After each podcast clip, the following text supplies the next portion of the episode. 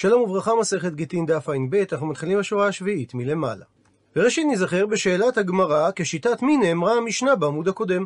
שמצד אחד אמרה המשנה שאם אמר הבעל כתוב הוא, אמרה המשנה שהגט בטל, ודייקה הגמרא שזה מפני שהוא לא אמר תנו, כי המשנה מתאימה לשיטת רבי מאיר, שמילי ממסרן לשליח. אבל מהסיפא של המשנה משמע כשיטת רבי יוסי שאמר מילי לא ממסרן לשליח. ונאלצה הגמרא לומר שאכן הרישא של המשנה היא בשיטת רבי מאיר והסיפא בשיטת רבי יוסי. תשובה שנייה, רב אשי אמר שהמשנה כולה שיטת רבי יוסי היא. והרישא של המשנה שאמר הבעל כתובו, אין לדייק מזה כפי שדייקה הגמרא שאם הוא היה אומר תנו הגט היה כשר, שאפילו אם הוא היה אומר תנו הגט היה פסול, כפי שמובא בסיפא.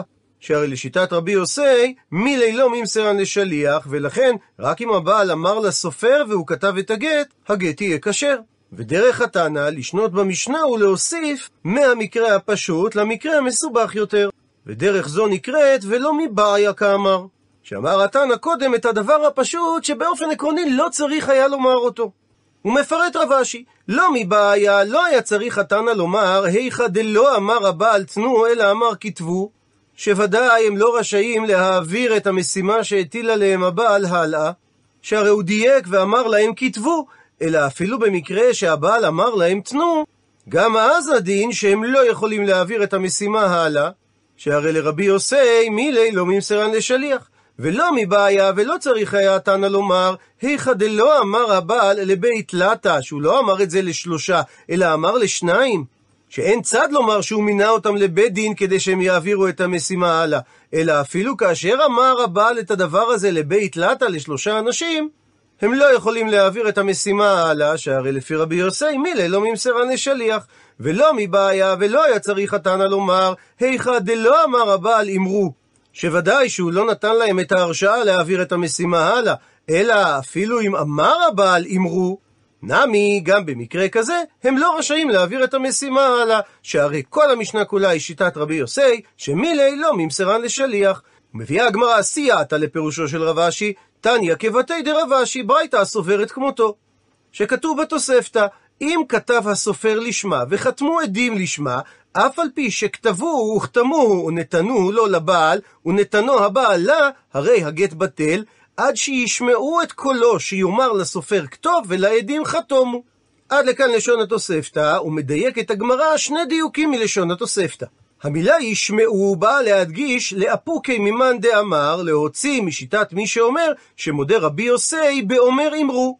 וזה תואם להסברו של רב אשי, שהסביר שהמשנה לשיטת רבי יוסי, שאפילו אמר הבעל אמרו, גם במקרה כזה הם לא יכולים להעביר את המשימה הלאה, כי מילי לא ממסרן לשליח, והם צריכים לשמוע את ההנחיה המפורשת מהבעל. ומהמילה קולו מדייקת הגמרא, שזה בא לאפוקי מדרב כהנא אמר רב. בדף הקודם, שחירש שיכול לדבר מתוך הכתב, כותבים ונותנים גט לאשתו. אבל מלשון התוספתא שצריכים הסופר והעדים לשמוע את קולו של הבעל מצווה, משמע שחירש שיכול לדבר מתוך הכתב, לא כותבים ונותנים גט לאשתו. ואומרת המשנה, אם אדם אמר לאשתו, זה גיתך אם מתי, ומשמעות הלשון היא שלכשאמות יחול הגט, הרי אין גט לאחר מיתה. ועל אותו עיקרון, אם הוא אמר לה, זה גיתך מחולי זה, ומשמעות דבריו, מחולי זה ואילך יחול הגט, וכיוון שהוא מת מתוך החולי, נמצא שאין הגט חל, אלא לאחר מיתה. אז זה שווה למקרה שהוא אמר לה, זה גיתך לאחר מיתה, שבשלושת הלשונות הללו, הוא לא אמר כלום. מה שאין כן, אם הוא אמר לה, זה גיתך מהיום אימתי, או שאמר לה, זה גיתך מעכשיו אימתי, הרי זה גט, כיוון שהוא נותן לה את הגט מהרגע הזה. הספק מתעורר כאשר הוא מחבר את שתי הלשונות. אם הוא אמר לה, זה גיתך מהיום ולאחר מיתה. במקרה כזה מתעורר לנו הספק למה הוא התכוון. האם הוא התכוון להתנות שזה גט מהיום עם המות, וכיוון שהוא מת נתקיים התנאי ונמצא שזה גט משעת הנתינה, או שאולי מה שהוא אמר הוא לאחר מיתה, זה בעצם חזרה ממה שהוא אמר מהיום. והוא תיקן את דבריו ואמר שרק לאחר מיתה יהיה הגט, ואם כך אין הגט כלום. ולכן במקרה כזה הדין, שזה גט ואינו גט, דהיינו זה גט מספק, ואם הוא מת והיא נופלת לייבום לפני אחיו, הדין שהיא חולצת ולא מתייבמת. הוא מסביר רש"י, היא חולצת, שמא זה אינו גט, אבל היא לא מתייבמת, שמא זה גט. ואם כן, היא גרושת אחיו, והיא אסורה עליו בכרת, משום אשת אחיו. ומביאה המשנה מקרה נוסף, הוא אמר לה, זה גיתך מהיום אם מתי מחולי זה, ועמד והלך בשוק וחלה ומת, אז עומדין אותו. אם מחמת החולי הראשון הוא מת, הרי זה גט כיוון שהתקיים התנאי, ואם לאו, מחמת החולי הראשון הוא מת, אלא מחמת החולי השני, הרי זה אינו גט. ונסכם בקצרה את שלושת המקרים הראשונים במשנה. כאשר ברור שהבעל אמר שהגט יחול לאחר מיתה, הדין שהוא לא אמר כלום.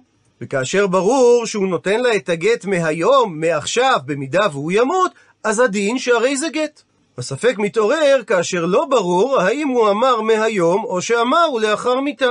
ובמקרה כזה הדין שזה גט ואינו גט, כך שאם הוא מת היא חולצת ולא מתייבמת. ושואלת הגמרא, מצד אחד עלמא תאמר שהלשון אם מתי כלשון שלאחר מיתה דמי. שהמשנה השוותה בין שתי הלשונות ואמרה שבמקרה כזה הוא לא אמר כלום. אבל מצד שני, והדר תני, חזרה המשנה ואמרה, שאם אמר הבעל מהיום אימתי או מעכשיו אימתי, הדין שהרי זה גט. עלמא זאת אומרת שמשמעות המילים אימתי זה לאו כלאחר מיתה דמי. ומדייק רש"י, שההוכחה של הגמרא היא דווקא מהלשון של אימתי, ולא מציון הזמן שהוא מהיום או מעכשיו, שהרי במקרה השלישי במשנה שהוא אמר מהיום ולאחר מיתה, הדין שיש ספק אם זה גט או אינו גט. כך שהלשון מהיום לא מכריעה את הספק האם זה בהכרח לפני מיתה, מה שבהכרח אומר שבמקרה השני במשנה, הלשון אימתי היא הלשון המכריעה בצורה ודאית שהרי זה גט. יוצא שיש סתירה בין המקרה הראשון, ששם משמעות הלשון אימתי זה כלאחר מיתה, לבין המקרה השני, ששם משמעות הלשון אימתי זה לאו כלאחר מיתה. עונה על כך, אמר אביי, שהלשון אימתי שתי לשונות משמע. יש לה שתי משמעויות, משמע גם כמעכשיו, ומשמע גם כלאחר מיתה. אז אם הוא הוסיף ואמר לה את המילה מהיום, זה כמאן דאמר לה מעכשיו דמי. זה מעמיד את הלשון אימתי במשמעות של מעכשיו, ואם הוא לא אמר לה מהיום, אז משמעות הלשון אימתי, כמאן דאמר לה במשמעות שלאחר מיתה דמי. והיות שאין גט חל לאחר מיתה, אז הוא לא אמר כלום. ציטוט של המקרה הראשון במשנה, אם הוא אמר לזה גיתך אימתי, לא אמר כלום, ועל כך אמר רב הונא הדין וחולצת.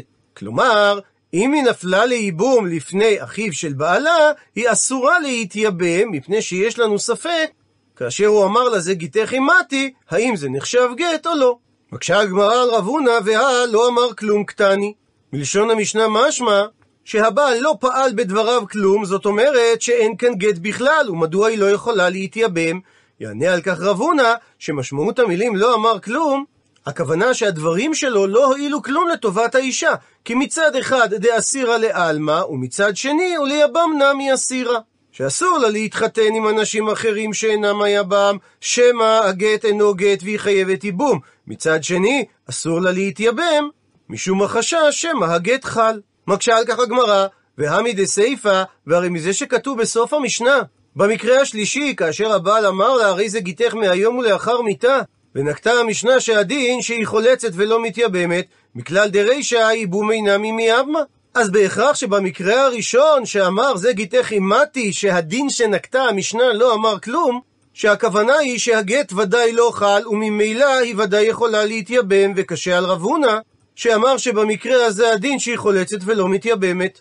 מתרצת הגמרא שלא קשה על רב הונא, מפני שמתניתין כרבנן, ורב הונא לעומת זאת דאמר כרבי יוסי, דאמר שזמנו של שטר מוכיח עליו. הוא מסביר רש"י, שיש מחלוקת בפרק יש נוחלין בבבא בתרא, לגבי אדם שכותב כל נכסיו לבנו, אבל הוא רוצה להשאיר לעצמו את זכות אכילת הפירות כל זמן שהוא בחיים. לפי חכמים, הוא צריך לכתוב במפורש בשטר, שהוא נותן את הנכסים לבן מהיום ולאחר מיתה, ואם הוא לא יכתוב את זה, הדין יהיה שהבן לא יזכה בנכסים גם לאחר שהוא ימות, שהרי זו מתנה לאחר מיתה. ועל אותו משקל אומרים חכמים, שאם האדם שנתן את הגט לא ציין במפורש מהיום, אלא רק אמר, הרי זה גיתך אימתי, אז הגט לא חל מפני שזה גט לאחר מיתה. מה שאין כן רב הונא, הוא סבר כרבי יוסי, שאמר בבבא בתרא, שאין האבא צריך לציין במפורש מהיום ולאחר מיתה, כי רבי יוסי סבר שזמנו של השטר מוכיח עליו שמהיום הוא נתן לו את גוף הקרקע, ואת הפירות ימשיך האבא לאכול בחייו, שהרי אם הוא לא נתן לו את גוף הקרקע מעכשיו, למה נכתב זמן בשטר המתנה? ועל אותו משקל, כיוון שכתוב תאריך בגט, זה מעיד על כך שהגט יחול מזמן התאריך, אפילו אם הבעל לא אמר את זה במפורש. אבל מקשה הגמרא, אי רב הונא סבר כרבי יוסי, אז חליצה נמי לא תיבאי. מדוע רב הונא אמר שהדין שהיא צריכה לחלוץ?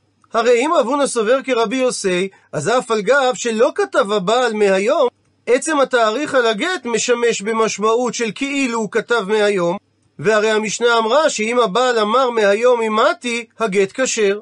ואם כך, אין צורך בחליצה. ומעלה הגמרא את האפשרות, וכי תימה, ואולי תאמר, שמספקא לי לרב הונא אי הלכתה כרבי יוסי, או אין הלכתה כרבי יוסי. שרב הונא הסתפק האם הלכה כרבי יוסי או אין הלכה כרבי יוסי, ולכן הוא אמר שמספק הדין שהיא חולצת? אבל, ומי מספקא לי? האם לרב הונא היה ספק בדבר שהלכה כרבי יוסי? והרבא ברבוע חלש, כאשר הוא היה חולה, ולגבי, באו לבקר אותו רב הונא ורב נחמן. ואמר לו רב הונא לרב נחמן, באי מיני תשאל מרבא ברבוע, האם הלכה כרבי יוסי או אין הלכה כרבי יוסי? ואמר לו רב נחמן, הרי תמא דרבי יוסי לא ידענה, אז הלכה היא באי מיני? איך אני יכול לשאול את רבא ברבוע אם הלכה כרבי יוסי או לא, אם אני לא יודע את הטעם בדבריו? מדוע הוא סובר שלא צריך לכתוב בשטר את הנוסח מהיום? מה, אני כמו האנשים שבאים לרב לשאול שאלות בלי לבדוק לפני זה את הנתונים? אמר לרב הונא לרב נחמן, את באי מיני הלכה, אתה תשאל את רבא ברבוע אם הלכה כרבי יוסי או לא, ותעמד דרבי יוסי, אנא אמינא לך, ואני אגיד לך מה טעמו של רבי יוסי. ואכן, באי מיני, שאל רב נחמן מרבא ברבוע אם הלכה כרבי יוסי או לא, אמר לו רבא ברבונה, הכי אמר רב שהלכה כרבי יוסי. לבתר דנפק, ולאחר שיצא רב נחמן מלפני רבא ברבוע, אמר לו רב הונא, היינו תמא דרבי יוסי, הטעם שרבי יוסי סובר שלא צריך לציין מהיום בשטר, מפני דקה סבר שזמנו של שטר מוכיח עליו. הוא מוכרח מהסיפור הזה שרב הונא ידע שהלכה כרבי יוסי, כך שלא ניתן לומר שמשום שהוא הסתפק האם הלכה כרבי יוסי או לא, הוא אמר חולצת. אלא רוצה הגמרא לומר שרב הונא אמר שהיא חולצת ולא מתייבמת, מפני שמספקא ליה, הוא הסתפק, הפכנו דף, אי אמר רבי יוסי בעל פה, אי לא אמר. מסביר רש"י, כגון גבי גט שכתב הבעל כהלכתו, אבל בשעה שהוא מסר לאישה את הגט, הוא הוסיף תנאי, זה גיתך אם מתי. האם גם על מקרה מעין זה אמר רבי יוסי שזמנו של שטר מוכיח עליו, או שאולי זה לא דומה למקרה בבבא בתרא, שרק שם אמר רבי יוסי שזמנו של שטר מוכיח עליו, כיוון שהאבא כתב את התנאי לאחר מיתה אצל הזמן בשטר, אז יש צד לומר שהזמן של השטר מוכיח גם על התנאי שהוא חל מהיום. אבל אולי כאשר התנאי נאמר בעל פה, בשעה שהבעל מסר לאישה את הגט, הוא בעצם חזר בו מהזמן שמופיע בגט, והוא מסר לה את הגט על מנת שהוא יחול לאחר מיתה, הואיל והוא לא אמר במפורש שזה יחול מהיום. ומשום הספק הזה, אמר רב הונא שהיא חולצת ולא מייבמת. דוחה הגמרא, ומי מספקא ליה? האם רב הונא הסתפק בדבר הזה? והאתנן, והרי שנינו במשנה במסכת כתובות, שאדם שאמר לאשתו, הרי זה גיתך, אם לא באתי מכאן ועד י"ב חודש, ומת בתוך י"ב חודש, שבמקרה כזה אינו גט. שהרי לא חל הגט אלא לאחר י"ב חודש, ואם כן, זה גט לאחר מיתה שאינו גט. ותני עלה, ושנינו ברייתא שמבארת את המשנה הזאת, שרבותינו התירוה להינשא, ואמרינן, ושאלנו על כך, מן מי הם רבותינו, וענה על כך, אמר רב יהודה אמר שמואל, שהכוונה לבית דינא דשארו מישחא, לבית דינו של רבי יהודה נשיאה, שהתיר את שמנן של עובדי כוכבים באכילה. וסברי לה, והם סברו כרבי יוסי דאמר, זמנו של שטר מוכיח עליו. ומלשון המשנה הרי זה גיתך, משמע שמדובר על לשון שהבעל אומר לאישה בשעה שהוא מוסר לה את הגט. אז יוצא שמה שרבותינו התירו על להינשא, זה מפני שהם פסקו כרבי יוסי, שזמנו של שטר מוכיח עליו, גם כאשר מדובר על תנאי שנאמר בעל פה ולא נכתב בתוך הגט. ולא ייתכן שרב הונא יסתפק בדבר הזה. אלא אומרת הגמרא, ודאי ידע רב הונא שמה שאמר רבי יוסי זמנו של שטר מוכיח עליו, זה מעיד גם על התנאי שנאמר בעל פה, אלא מספקא לי לרב הונא, הוא הסתפק, אי הלכה כרבי יוסי גם בתנאי שנאמר בעל פה, או אין הלכה במקרה כזה כרבי יוסי. ולכן הוא אמר שהיא חולצת ולא מתייבמת. מקשה על כך הגמרא, ומי מספקא ליה? האם רב הונא הסתפק בדבר הזה? ואמר רבא, שהבעל שאמר לאשתו, הרי זה גיתך אם מתי, או הרי זה גיתך ושאני מת, הדין במקרה כזה שהרי זה גט. אבל אם הוא אמר, הרי זה גיתך כשאמות, או הרי זה גיתך ולאחר מיתה, הדין במקרה כזה שאין זה גט. עד לכאן דברי רבא, ושואלת הגמרא, איך היא דמי? על איזה מציאות דיבר רבא? אילמה, אם מדובר דאמר לה הבעל מהיום, ולאחר מכן הוא הוסיף ואמר, הרי זה גיתך אימתי, או הרי זה גיתך ושאני מת, ובא רבא לומר שהוא פוסק כרבנן, האם צריכה למימר? ואתנן, והרי במפורש ענינו במשנה שלנו, שאם הבעל אמר מהיום אימתי, הרי זה גט. ואל עליו, בהכרח צריך לומר שהמציאות עליה דיבר רבא, דלא אמר לה הבעל בשעה שהוא נתן לה את הגט מהיום, אלא רק אמר לה בעל פה, הרי זה גיתך אם מתי, או הרי זה גיתך ושאני מת. ופסק רבא שהרי זה גט, מפני שהוא פוסק כשיטת ורבי יוסי. אז אם כך שמע מינה, מדברי רבא, שגם בתנאי בעל פה, אמר רבי יוסי שזמנו של שטר מוכיח עליו, והלכה כרבי יוסי. כך שלא ייתכן שבזה יסתפק רב הונא. דוחה הגמרא ואומרת שניתן לומר שאכן בדבר הזה יסתפק רב הונא, האם הלכה כרבי יוסי גם בתנאי בעל פה או לא, והיא מביאה שתי אפשרויות לתרץ מדוע אין קושייה מדברי רבא. האפשרית הראשונה, שלרבא אמנם פשיטא ליה שהלכה כרבי יוסי בעל פה, אבל לרב הונא מספקא ליה. והיא באית אימה, ואם תרצה תאמר, אפשרות שנייה, מדוע לא קשה מדברי רבא על רב הונא, כי לעולם רבא דיבר על מציאות, דאמר לה הבעל מהיום, ולאחר מכן הוא אמר את התנאי שהרי זה גיתך אימתי, או הרי זה גיתך ושאני מת. ורבא פוסק כרבנן. והני לישני יצטריך אלי. והחידוש בדברי רבא הוא במשמעות הלשונות שהוא הזכיר. שמשמעות הלשון שאני מת כאם מתי דמי, היא דומה ללשון של אם מתי, ומשמעות הלשון כשאמות, כי לאחר מיתה דמי, היא דומה ללשון שלאחר מיתה. ועל פי ההסבר הזה, לא פסק רבא כשיטת רבי יוסי, וממילא הסתפק רב הונא, האם הלכה כרבי יוסי גם בעל פה, או אין הלכה כמותו בעל פה. ולכן הוא אמר על המשנה שהיא חולצת ולא מתייבמת. עד לכאן הדיון היה בדברי רב הונא, כאשר הוא מתייחס למקרה הראשון במשנה. שהבעל אמר לאישה, זה גיתך אימתי, שבמקרה כזה הוא לא אמר כלום, ואמר רב הונא שהיא חולצת ולא מתייבמת. ואיכא דמתני לה, ויש גורסים את דברי רב הונא הסיפא. על הסיפא של המקרה הראשון במשנה, שאם אמר הבעל לאישה זה גיתך לאחר מיתה, הוא לא אמר כלום. ועל כך אמר רב הונא, ולדברי רבי יוסי, במקרה כזה, הדין שהיא חולצת.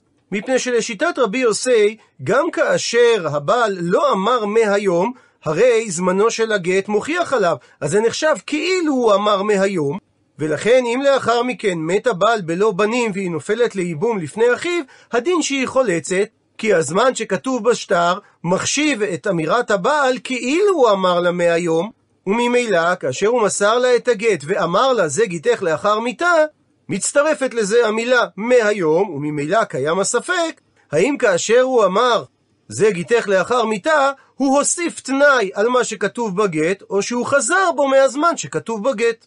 ולכן, כפי שכבר הסברנו קודם, היא יכולה רק לחלוץ ולא יכולה להתייבם. מקשה הגמרא על דברי רב הונא, פשיטא, הרי הדין הזה פשוט, מה הוא בא לחדש? שהרי רבי יוסי ורבנן לא נחלקו, אלא בנקודה הזאת לבדה, שלרבי יוסי, גם אם הבעל לא אמר במפורש מהיום, הזמן שכתוב בגט זה כאילו הוא אמר מהיום. מה שאין כן לרבנן, שיש חילוק אם הוא אמר במפורש מהיום או לא אמר במפורש מהיום. ומדסיפא לרבנן חולצת, אז רישא נמי לרבי יוסי חולצת. ומזה שבסיפא של המשנה, במקרה שהבעל אמר מהיום ולאחר מיתה, שנינו במשנה שהדין שהיא חולצת לחכמים, אז מזה ניתן בפשיטות להסיק שלשיטת רבי יוסי, כאשר הוא אומר לה, זה גיתך לאחר מיתה, הדין יהיה זהה שהיא חולצת ולא מתייבמת. ונסביר את הדברים על גבי הטבלה.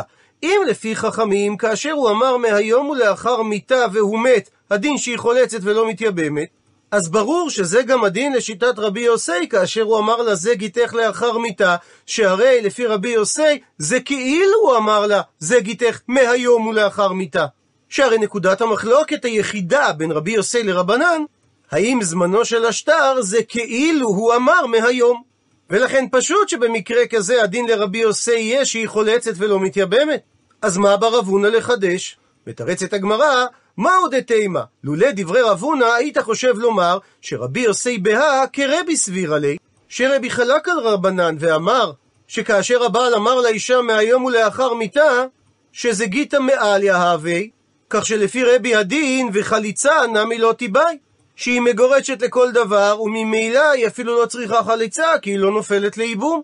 והואיל ומצאנו שרבי חלק על חכמים, אז היה צד לומר שרבי יוסי מסכים עם רבי, שהרי גם רבי יוסי הקל לעומת חכמים, ואמר שלדבריו הבעל לא צריך לומר את המילה מהיום, ובכל זאת היא נכנסת כחלק מהתנאי. כמה השמלן, לכן בא רב הונא להשמיע לנו, דלא רבי סבר לה כרבי יוסי, ולא רבי יוסי סבר לה כרבי. הוא מבאר את הגמרא את הדברים. רבי לא סבר לה כרבי יוסי, דקטני, מפני שהוא השתמש בלשון כזה גט. כפי שתביא הגמרא עוד רגע, וזה ודאי בא למיעוטי דרבי יוסי. ומצד שני, ורבי יוסי לא סבר לה כרבי, דקטני, כי רבי יוסי נקט לשון כזה גט, ובזה הוא התכוון למיעוטי דרבי.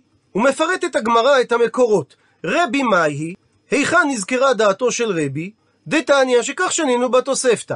אם הבעל אמר לאישה מהיום ולאחר מיתה, גט ואינו גט זה דברי חכמים, ועל זה רבי אומר שאך ורק כזה נחשב גט. זאת אומרת שלפי רבי זה נחשב כתנאי רק אם הבעל אמר במפורש את המילה מהיום. במקרה כזה בלבד הכשיר רבי את הגט, אבל אם הבעל לא ציין מפורש את המילה מהיום, לפי רבי הגט יהיה פסול. מה שאומר שרבי לא סובר כרבי יוסי, שהרי לפי רבי יוסי, זמן הגט נחשב כאילו הבעל אמר מהיום. ומצד שני, רבי יוסי מהי? מה המקור לכך שרבי יוסי לא סובר כרבי? דתנן, שיש משנה בדף ע"ו שאומרת, אם הבעל אמר, כתבו ותנו גט לאשתי אם לא באתי מכאן ועד י"ב חודש, והם כתבו בתוך י"ב חודש ונתנו את הגט לאחר י"ב חודש, לפי תנא קמא, הדין שזה אינו גט. שהרי הבעל אמר מפורש לכתוב את הגט רק לאחר י"ב חודש. אבל רבי יוסי אומר, כזה גט. הוא מסביר רש"י, מזה שהבעל יכול היה לומר את סדר הדברים בצורה אחרת. אם לא באתי, כתבו ותנו לגט, והוא אמר קודם כתבו ותנו, ואחר כך הוא אמר אם לא באתי, מזה הסיק רבי יוסי, שהבעל התכוון לומר כתבו עכשיו, ותיתנו לה אם מתקיים התנאי אם לא באתי בתוך י"ב חודש. וכשם שהלשון של רבי, כזה גט, באה למעט את רבי יוסי, כך גם הלשון של רבי יוסי, כזה גט, באה למעט, ולא מצאנו דבר אחר שהלשון הזו באה למעט, אלא רק שרבי יוסי לא סובר כרבי. שאף על גב שרבי יוסי מסכים לדעתו של רבי לעניין מתנה, שהאבא נותן לבן והוא משייר אצלו את פירות הקרקע, זה אך ורק מפני שניתן לחלק את הלשון, שמהיום מתייחס לפירות, והלשון לאחר מיתה מתייחס לגוף הקרקע, אבל בגט סובר רבי יוסי שאין לנו כיצד לחלק את הלשון, ולכן רבי יוסי מסתפק האם הבעל התכוון לתנאי או התכוון לחזור בו מהזמן שכתב בגט. ציטוט מהמשנה, זה גיתך מהיום אימתי מחולי זה ועמד והלך בשוק וכולי. ואמר על כך רב הונא, שגיתו של שכיב מרע כמתנתו. זאת אומרת, מה מתנתו של שכיב מרע? אם הוא עמד מהחולי שלו, הוא חוזר, שהרי הוא נתן את המתנה על דעת זה שהוא הולך למות. אז אם הוא לא מת, בטלה המתנה. אף גיתו אותו דבר, אם הוא עמד מחוליו, חוזר, דהיינו שהגט בטל, ולחילופין, ומה גיתו אף על גב דלא פריש, שאפילו שהוא לא אמר במפורש לתת את הגט לאשתו, בכל זאת, כיוון דאמר כתובו, אז אף על גב דלא אמר תנו, נותנים את הגט. אף מתנתו על אותו עיקרון, כיוון דאמר תנו, אף על גב דלא קנו מיני, אפילו שלא ביצעו קניין עבור המקבל, זכה מקבל במתנה. מקשה על כך הגמרא תנן, הרי שנינו במשנה שלנו, שאם הבעל אמר לאישה זה גיתך מהיום אם מתי מחולי זה, ועמד והלך בשוק וחלה ומת, עומדים אותו, אם מחמת חולי הראשון מת, הרי זה גט, ואם לאו, אלא שהוא מת מהחולי השני, זה אינו גט. עד לכאן הציטוט מהמשנה, ומקשה הגמרא, והיא אמרת, שגט של שכיב מרע הוא כמו מתנה של שכיב מרע, שאם הוא עמד מחוליו הוא חוזר, אז אם כך, למה לי אומדנה? מדוע צריך לאמוד האם הוא מת מהחולי הראשון או מהשני? הרי הוא עמד מהחולי, ולפי דברי רב הונא באותו רגע הגט בטל. עונה על כך, אמר מר ברי בנו דרב יוסף משמי דרבה, שהמשנה מדברת על מציאות שניתק מחולי לחולי. שהוא נהיה חולה בחולי השני מיד כשהוא סיים את החולי הראשון, ואין זו עמידה, אלא אם כן הוא בא לכלל רפואה שעה אחת בין שני החולאים. מקשה על כך הגמרא, והעמד קטני. הרי המשנה אמרה שהוא עמד, זה אומר שהוא כן הבריא מהחולי הראשון. מתרצת הגמרא שאין הכוונה שהוא הבריא, אלא שהוא עמד מחולי זה ונפל לחולי אחר. ממשיכה הגמרא ומקשה, והא, בנוסף לזה שכתוב עמד, הלך בשוק תני. כתוב שהוא גם הלך בשוק, מה שמעיד על כך שהוא לא היה חולה. מתרצת הגמרא שהלך בשוק הכוונה שהוא הלך על משענתו. זאת אומרת שהוא נשען על מקלו בשעת ההליכה, מה שמעיד על כך שלעולם חולה הוא והוא לא הבריא בין שתי המחלות. הפכנו דף, והא כמה שמלן, וזה בדיוק מה שבאה המשנה להשמיע לנו. דהלך על משענתו הוא דבעינן אומדנה, שדווקא מי שהמשיך להיות חולה לאחר החולי הראשון, הוא זה שצריך לעשות אומדן ממה הוא מת, מה שאין כן אידך, מי שלא הלך בשוק, אז מסתמה אף על פי שניתק לחולי אחר, יש בו עדיין מהחולי הראשון, ואחד כזה, אומדננמי לא באינן. אין צורך לעשות בדיקה ממה הוא מת, מפני שבוודאי גם החולי הראשון גרם למיתתו. ועל פי ההסבר הזה שואלת הגמרא, שמעת מינה? אז מזה ניתן להסיק ששכיב מרע שניתק מחולי לחולי מתנתו מתנה, גם אם הוא מת מהחולי השני? שהרי הסברת שרק לגבי הגט שעליו דיברה המשנה צריך אומדן. האם הוא מת מהחולי הראשון או מהשני, משום שהוא עמד והלך בשוק על משענתו. אבל שכיב מרע שניתק מחולי לחולי, ולבסוף מת שאין ספק שהמיטה נגרמה גם מהחולי הראשון, אז זה אומר שבוודאות מתנתו מתנה? עונה הגמרא, אין, אכן כך הדין, דאמר רבי אלעזר משמי דרב, שכיב מרע שניתק מחולי לחולי, מתנתו מתנה. עד לכאן דף ע"ב.